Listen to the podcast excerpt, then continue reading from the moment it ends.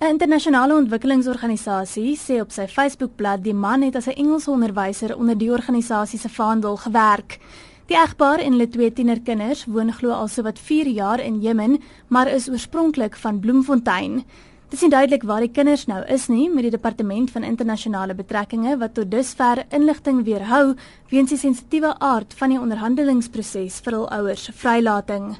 'n Woordvoerder, Kleisen Monjela, sê Suid-Afrika is op onbekende terrein wat die hantering van die situasie betref. Normally the cases that we handle have a political element to them, uh, and this one, uh, uh, you know, on the face of it, at least from the information that we now have, uh, it suggests that it could be some sort of a business deal gone wrong.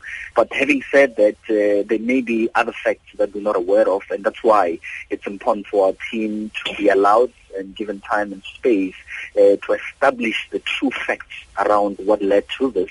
Onyela sê Suid-Afrika se ambassadeur, Sadiq Jaffer, wat uit Saudi-Arabië na Jemen gevlieg het, is nou betrokke by onderhandelinge vir die twee gijslaers se vrylating. We briefed our ambassador uh, in Saudi Arabia that you've already mentioned to travel to Yemen to go and engage all the stakeholders on the ground, establish the facts uh, to further inform how government can further assist these two South Africans as we would normally do for any South African that is in distress in any part of the world. So they are there. Uh, our team is there to speak to uh, all the role players so that we can see how further to intervene and assist the South Africans to secure their release. Vyf mense is die afgelope 24 uur deur die owerhede in Jemen in hegtenis geneem in verband met die ontvoering. Ek is Suna Venter in Johannesburg.